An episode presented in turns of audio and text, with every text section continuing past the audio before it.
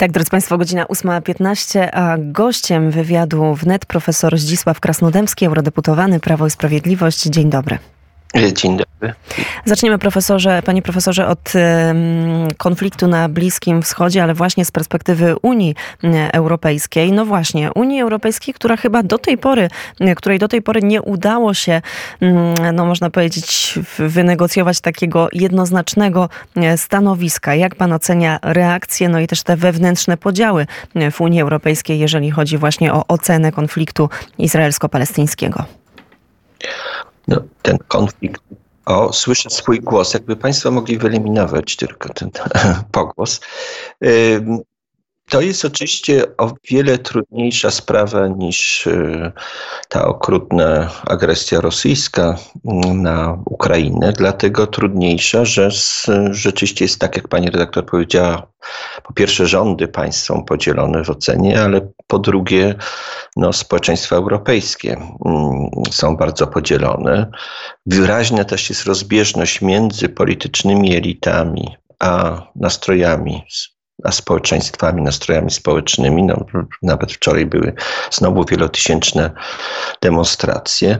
Można powiedzieć, że jednak sympatia mm, wielu społeczeństw jest po stronie Palestyńczyków, mm, podczas gdy, gdy rządy wielu państw no raczej obawiając się też wzrostu nastrojów antysemickich, też takiej radykalnej krytyki Izraela, no, zachowują tutaj bardzo ostrożną postawę, jeżeli chodzi o cenę też mm, właśnie ogólnej sytuacji, też wzywają oczywiście do, do pokoju, przypominają tę do, doktrynę mm, dwóch państw. Mm, no ale właśnie sprawa jest, jest, jest trudna, bo jest trudno, trudno w tej sytuacji ocenić, kto jest sprawcą, kto jest ofiarą. Ten cały taki europejski humanizm czy humanitaryzm, który zawsze mm, jest bardzo, operuje takimi bardzo ostrymi kategoriami moralnymi, w tym wypadku zawodzi. No i to jest, y, to, to jest myślę duży problem. Jak wiadomo, na samym początku już tuż po zamachu Hamasu dwie czołowe mm, panie polityk unijne, czyli Ursula von der Leyen i Roberta Metzola pojechały do E, do Izraela, wyraziły swoją, o, o, swoje współczucie e, i o, dla Izraelczyków, e, oburzenie, potępiły zamach ha, ha, Hamasu i natychmiast spotkały się z ostrą krytyką, również w Parlamencie Europejskim, szczególnie z tych frakcji lewicowych, no, że jednak nie, nie mówiły również o kwestii ochrony praw człowieka w, w Palestyńczyków, Y, nie przestrzegały Izrael przed y, y, odwetem, który by był pogwałceniem prawa międzynarodowego. Więc sprawa nie, nie, nie jest łatwa. Na dotek jeszcze to chyba jest najważniejsze, że istnieje obawa, że konflikt stanie się, przeniesie się po prostu do Europy ze względu na no, wielką mniejszość muzułmańską. To prawda i to już niestety możemy obserwować na razie jeszcze można powiedzieć w takiej no, łagodnej wersji, czyli e, coraz częstsze demonstracje właśnie w różnych już e, państwach e, unijnych, ale to jest kwestia też no, być może ogromnej rzeszy, ogromnej ilości uchodźców, kiedy myślimy czy to o samej strefie gazy, a widzimy, że część państw arabskich, no chociaż z jednej strony deklaruje to poparcie, to z drugiej strony no nie widać go tak wprost, bo też te na przykład chociażby korytarze humanitarne z Egiptem wcale to nie, nie są tak przepustowe i to nie działa Mm, tak jak e, no nie chci, chciał, chciał, chciałby pewnie no cały świat, bo chodzi o cywilów mm, i, i, i, i świat już no nie może przyglądać się na mm, tak skrajnie trudną sytuację humanitarną, ale panie profesorze, wspomniał pan też oczywiście o konflikcie rosyjsko-ukraińskim i e, o Ursuli von der Leyen, która przyjechała w sobotę ponownie do Kijowa. Przyjechała po to, aby porozmawiać z władzami Ukrainy o roszczeniu, o, roz, o rozszerzeniu oczywiście e, Unii Europejskiej właśnie o to państwo to też jest taka dyskusja w kontekście tych zmian traktatowych. Jak pan ocenia szanse Ukrainy, no i też taką chęć e, faktycznie Unii Europejskiej do przyjęcia Ukrainy w swoje szeregi i na jakich zasadach miałoby to się odbyć? No, to wydaje mi się, że ta droga Ukrainy do Unii Europejskiej już została otwarta. Decyzja polityczna, że należy zmieniać w, w tym kierunku została, została podjęta. Ile to będzie trwało, to, to jest zupełnie inna sprawa ale no tak jak e, też w paru innych przypadkach, też jeżeli chodzi o Bałkany Zachodnie, o Mołdawię, w przyszłości e, Gruzję, mm, no to wydaje mi się, że tu jest jakby zgoda co do tego, że Unia jakby w przyszłości, teraz jak odległej przyszłości tego nie wiadomo, powinna przyjąć e, te kraje do, do, do Unii. Ukraina tu ma oczywiście wyjątkową zupełnie pozycję, no dlatego z powodu wojny. Ale teraz, y, kiedy i jak to się stanie, mm, tego, tego, tego myślę, że nie wiadomo. No i oczywiście są ważne warunki, pod którymi, które powinny być spełnione zdaniem wielu polityków europejskich i wszyscy wiemy o tym, że no chodzi o to, żeby Unię zreformować. To jest jakby też y, y, wojna na Ukrainie i ewentualnie poszerzenie Unii jest też jakimś pretekstem do tego, żeby no, Unię bardziej scentralizować. I to pewnie będzie taki y, główny warunek stawiany nie tylko Ukrainie, ale również stawiany innym y, krajom, krajom członkowskim Unii Europejskiej. No, że bardzo pewnie nas postawić też przed taką alternatywą, że jeżeli chcielibyśmy, żeby Ukraina w jakiejś no, niezbyt odległej perspektywie stała się członkiem Unii, no to będzie to znaczyło również, że musimy się zgodzić na, na, na jej reformę, co do której y, szczegółów no pewnie będą się toczyć negocjacje, nawet zacięte spory polityczne i które już e, się toczą, przynajmniej my to możemy odczuć, jeżeli chodzi o polską e, przestrzeń, no, e, taką i publiczną, ale też polityczną bardzo mocno, bo te podziały już widać dzisiaj. Część oczywiście polityków szeroko rozumianej prawicy mówi, że to, że to jest naprawdę bardzo niebezpieczna sytuacja już teraz. Opozycja mówi, że spokojnie, to jest proces, który potrwa lata, to nie zrobi się od, od tak.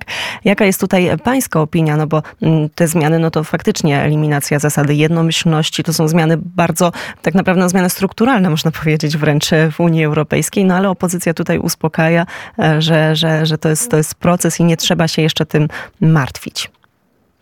No, oczywiście jest to proces, bo w wyniku procesów zachodzą zmiany. No, nie wiem, różne polityczne, bardzo mm, dla nas niekorzystne rzeczy były wynikiem pewnych procesów. No, nie wiem, zabory Polski też nie stały się, prawda, od razu, tylko trwały mm, przez, przez, wiele lat. Upadek i rozwój wielkich państw to, to, są, to są procesy. No, to nie jest tak, że po prostu mm, często często myślimy takimi wydarzeniami, prawda? Coś się stanie, oczywiście, no powiedzmy taki atak Hamasu, czy, czy, czy nie wiem, agresja rosyjska są wydarzenia, ale poprzedzają je pewne procesy, które je, je umożliwiają, więc to nie jest to nie jest akurat dobry argument. Natomiast to jest tak, że z jednej strony no już y, y, fakt, że no Parlament Europejski w listopadzie przegłosuje pewnie tę przygotowaną już przez Komisję Spraw Konstytucyjnych Parlamentu Europejskiego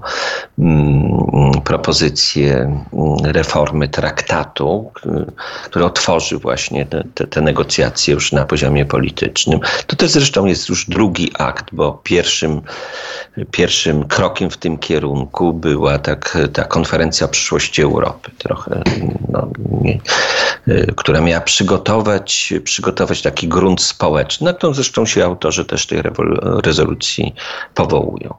No i to otworzy oczywiście cały proces negocjacji. Zwykle to pewnie wygląda tak, ten projekt jest bardzo radykalny. To nie jest nawet tylko tak, że to jest reforma Unii, tylko to byłaby zupełnie inna Unia Europejska. Oparta jakby na zupełnie innych zasadach. Ona pewnie, ja przypuszczam, że ten projekt zostanie jakoś tam osłabiony w wyniku negocjacji, no ale walka się toczy głównie jednak o władzę w Unii Europejskiej. Teraz to jest tak trochę jak przed przed naszym przystąpieniem w 2004 roku do, do, do, Unii Europejskiej no chodziło o to, żeby, żebyśmy jednak przystąpili na innych zasadach, prawda?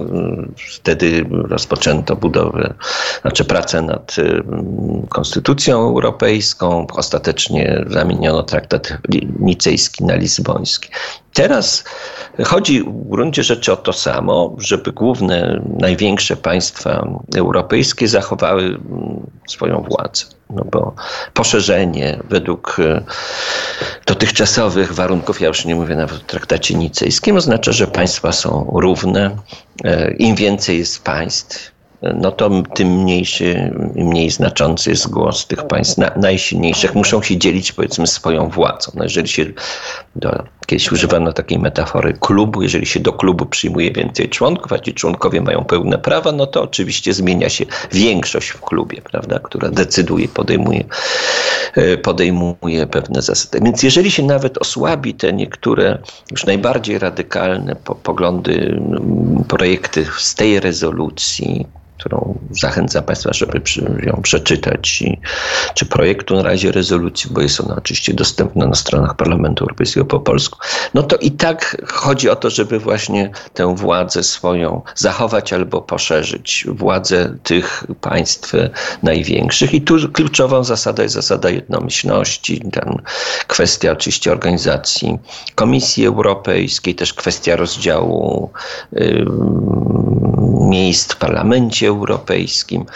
Mm, I jeżeli mm, zasada jednomyślności zostałaby zniesiona, a jednocześnie no, te wszystkie instytucje zostałyby przebudowane tak, żeby zachować albo jeszcze wzmocnić y, właśnie władzę po pierwsze instytucji centralnych, ale w tych instytucjach centralnych y, Niemiec i Francji jako takiego partnera trochę słabszego, ale niezbędnego, no to wówczas oczywiście nasza suwerenność byłaby bardzo ograniczona i ja obserwuję politykę europejską z bliska i muszę pan, Państwu powiedzieć, oczywiście wszyscy wiemy, że no niewiele, niewielkie mamy tam pole manewru, a one by zostało, one by zostały jeszcze bardziej, bardziej ograniczone. Natomiast gdyby weszła ta radykalna wersja, która teraz, za którą się opowiada parlament w swojej większości, w tym wszystkie y, prawie frakcje, oprócz dwóch, czyli EKR-u, czyli tej, do której należy Prawo i Sprawiedliwość oraz grupy prawicowej ID, y, Tożsamość y, i demokracja, no gdyby ta rezolucja, no to w zasadzie moglibyśmy powiedzieć, że już jest państwo europejskie, Polska nie jest państwem suwerennym. Mm, panie profesorze, ostatnio e, minister spraw e, zagranicznych Zbigniew Rau, który uczestniczył właśnie w takiej no, konferencji mm, ministrów e, polityki zagranicznej państw Unii Europejskiej, powiedział, że mm, Polska nie jest jakby osamotniona e, w tym takim e, sprzeciwie e, wobec właśnie tych zmian traktatowych, ale nie powiedział konkretnie na jakie państwa ewentualnie moglibyśmy liczyć, aby taki blok czy koalicję tych państw sprzeciwiających się stworzyć. Czy pan widzi, czy moglibyśmy już konkretnie wymienić, kto ewentualnie, jakie państwa mogłyby no, mieć podobną pozycję, przynajmniej jak część polskiego establishmentu, polskich przedstawicieli w Parlamencie Europejskim? No, myślę, to jest tak zawsze, że jeżeli dochodzi już do bardzo konkretnych e, negocjacji, to wychodzą różnice interesów, które są które są właśnie jakby negocjowane, prawda? Które, które się ujawniają do, wtedy, kiedy, kiedy mm, odchodzimy od pewnych ogólnych deklaracji i przystępujemy do, do, do, do, do, no, do szczegółów tych negocjacji. Tak trochę jak z naszą umową koalicyjną, prawda? Tych partii opozycyjnych. No, były wszystkie razem e, rzekomo e, przeciwko PiSowi, prawda? ale teraz, kiedy chodzi o podział stanowisk i o konkretny, pro, konkretny program, no to widać, że jest, jest bardzo trudno zawiązać, zawiązać koalicję. Ja nie wiem dokładnie, jak jest na poziomie rządowym, bo też Niemcy się bardzo starają którym zależy głównie na to zniesienie zasady jednomyślności w sprawach podatkowych i sprawach polityki zagranicznej, no zbudowały już e, dosyć szeroką koalicję, około chyba 15 państw, jeżeli pamiętam, e, przyjaciół, przyjaciół zasady kwalifikowanej większości, e, ale słyszałem no, z ust wielu posłów i to posłów no, z tych frakcji, które popierają w zasadzie tę, tę, tę rezolucję Parlamentu Europejskiego, no, różne wyrażane obawy. No, na przykład z Portugalii, kolega z Portugalii, który skądinąd jest federalistą, profesor prawa europejskiego, który mówi, że przecież gdyby e, prze, przeszło to w takiej postaci, jaka jest proponowana przez Parlament Europejski tego kraju, nie miałby nic do powiedzenia i tak dalej, prawda? Słyszałem głos z ust, ten, taką wypowiedź koleżanki z Finlandii, która się powiedziała, no Finowie nigdy nie mogliby się zgodzić, żeby no, kwestia powiedzmy ochrony środowiska lasów głównie, które są dla Finlandii również gospodarczo niezwykle ważne, żeby lasy przeszły pod zarząd Unii Europejskiej. Mm, ale muszę powiedzieć, że ja uważam, że mm, nie jestem tutaj bardzo wielkim optymistą, jeżeli chodzi o taki opór y, krajów europejskich, bo wielu, wiele tych krajów mniejszych po prostu zależy, od, ekonomicznie jest uzależnionych. Mm, Unia, te władze centralne, czy elity, elity mm, brukselskie, elity też berlińskie, one zawsze stosują mm, taką strategię no z jednej strony właśnie nacisku, nacisku ekonomicznego głównie, a jak, jak mówię, no dla, dla wielu wielu mniejszych krajów taka przekonanie, że mogliby nagle stanąć w obliczu no, pewnych kłopotów, jeżeli chodzi o przyznawanie funduszy europejskich, to jest wizja paraliżująca strachem. No, ale z drugiej strony oczywiście jakieś zachęty, budowanie, prawda, właśnie jakieś, jak to zwykle się w tej polityce europejskiej odbywa. Więc ja niestety nie jestem tutaj optymistą. Mm, ważna będzie, będzie stanowisko Włoch. No, mm, Włochy, co prawda, znalazły się w tej grupie mm, wspierającej właśnie przyjaciół większości kwalifikowanej, ale też słyszałem takie głosy, że no nie do końca to wspiera, że to raczej jest y, mm, wyraz y, no, preferencji obecnego ministra spraw zagranicznych, zresztą był przewodniczącym Parlamentu Europejskiego kiedyś, mm, że to nie do końca jest stanowisko państwowe. No, można liczyć też na pewnie mm, te wszystkie kraje, które mniejsze lub średniej wielkości. No problem, który my mamy, w, jeżeli jako Polska, że my jesteśmy krajem, który jest krajem ambitnym, jeżeli chodzi, przynajmniej był do tej pory, jeżeli chodzi o politykę europejską, który nie jest krajem małym, jest krajem o dużym potencjale, mm, w przeciwieństwie do mm, też mm, no, krajem sukcesu gospodarczego, czym Polacy może nie do końca sobie zdają sprawę, jak wzrosła nasza, nasza siła w ostatnich, w ostatnich latach. I pełniliśmy ostatnio taką rolę w Unii Europejskiej, jaką kiedyś pełniła Wielka Brytania przed Brexitem. To znaczy, hamowaliśmy pewne tendencje, te właśnie radykalne tendencje centralizacyjne Unii. A ja uważam też i pewnie, no, że, że cała ta reforma, gdyby przeszła w radykalnej formie, to ona nie wzmocni Unii Europejskiej, tylko rozpocznie proces jej rozpadu. Panie profesor. Dlatego, że mhm że no to jest zawsze tak, to jakby spowoduje, że no Unia była takim dobrym pomysłem, bo ona właśnie opiera się na pewnej równowadze, prawda? Na takiej świadomości, no, że, że wszyscy jesteśmy jednak, y, współpracujemy, są duzi, mali, bogaci, biedni, prawda? Ale że ostatecznie jest to korzystne dla wszystkich, nikt nie jest dyskryminowany, nikt nie jest pomijany, nikt nie jest y, mm, no, upośledzony, powiedzmy, w jakiś sposób, nikt nie jest marginalizowany. I w ostatnich latach właśnie, y, na, szczególnie przy w odniesieniu do Polski i do Węgier, ta zasada była gwałcona. I mówiliśmy o pewnych podwójnych, podwójnych standardach. Przepraszam panie profesorze, że już wchodzę w słowo, tylko jeszcze jedna, jedno krótkie pytanie, bo też zapowiadałam, że e, przez moment powiemy o polskiej polityce, tutaj e, kwestia tworzenia się rządu i chciałam e, zapytać pana o ostatni wywiad, ostatnią wypowiedź premiera Mateusza Morawieckiego, który przekazał, że wyobraża sobie rząd PiS z udziałem Władysława Kosiniaka-Kamysza, również w roli premiera, więc można powiedzieć, że taka deklaracja, taka taka propozycja padła z ust e, premiera. Dodatkowo mm, jeszcze e, przekazał, tutaj cytujemy, że mogę być ministrem u Kosiniaka e, Kamysza. Jak pan ocenia mm, i te zakulisowe rozmowy i to, co dzieje się w Polsce, jeżeli chodzi właśnie o mm, ewentualne koalicje, o tworzenie się rządu? No, jak, wiemy, nie, po pierwsze tak, te rozmowy opozycji są, są trudne. Pojawia się tam jakaś idea rotacyjnego sprawowania, sprawowania pewnych funkcji. Na razie tylko marszałka Sejmu, ale jak tak dalej pójdzie, to może i premier będzie rotacyjny, no nie, nie wiem, albo ministrowie. No to są, tam nie ma oczywiście y, wielkich y, zbieżności programowych, jeżeli się dokładnie, dokładnie przyjrzymy. Jeżeli chodzi natomiast o, o Prawo i Sprawiedliwość, no to mm, no niestety była też taka tendencja, żeby po prostu Prawo i Sprawiedliwość, nie wiem, zmarginalizować i to nie tylko partię, prawda, ale zwolenników, żeby tę wolę jednak 35% polskich wyborców, którzy po ośmiu latach rządów i trudnych sytuacjach, zwłaszcza ostatnio, czyli pandemia i, i, i wojna, jednak no, zagłosowało na partię, na partię do tej pory rządzącą, co jest ogromnym sukcesem, bo jeżeli Teraz w Szwajcarii były wybory i tam jedna partia taka nazywana populistyczną uzyskała 28 bodajże procent głosu. To się mówi o wielkim sukcesie, niektórzy mówią o wielkim zagrożeniu.